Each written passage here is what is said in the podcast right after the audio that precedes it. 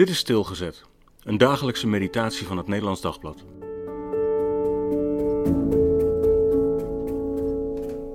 Plannetjes. 2 Samuel 3, vers 24 en 25. Joab vroeg: Wat hebt u gedaan? Abner is naar u toegekomen en u hebt hem zomaar laten gaan? U kent hem toch? Hij is natuurlijk gekomen om u te misleiden en zich op de hoogte te stellen van uw troepenbewegingen en uw plannen. Dit is overdreven. Alsof David zoveel plannen had om het noorden van Israël te veroorloven. Dat past toch helemaal niet bij Davids stijl? Jarenlang heeft hij geduldig gewacht en geen enkele actie ondernomen om Saul van de troon te stoten.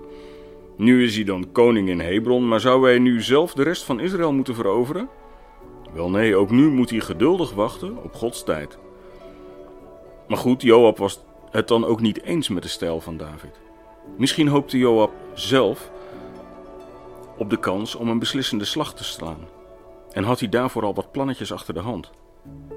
En ja, dan is de ander, die jouw plannen doorkruist, al gauw een vijand.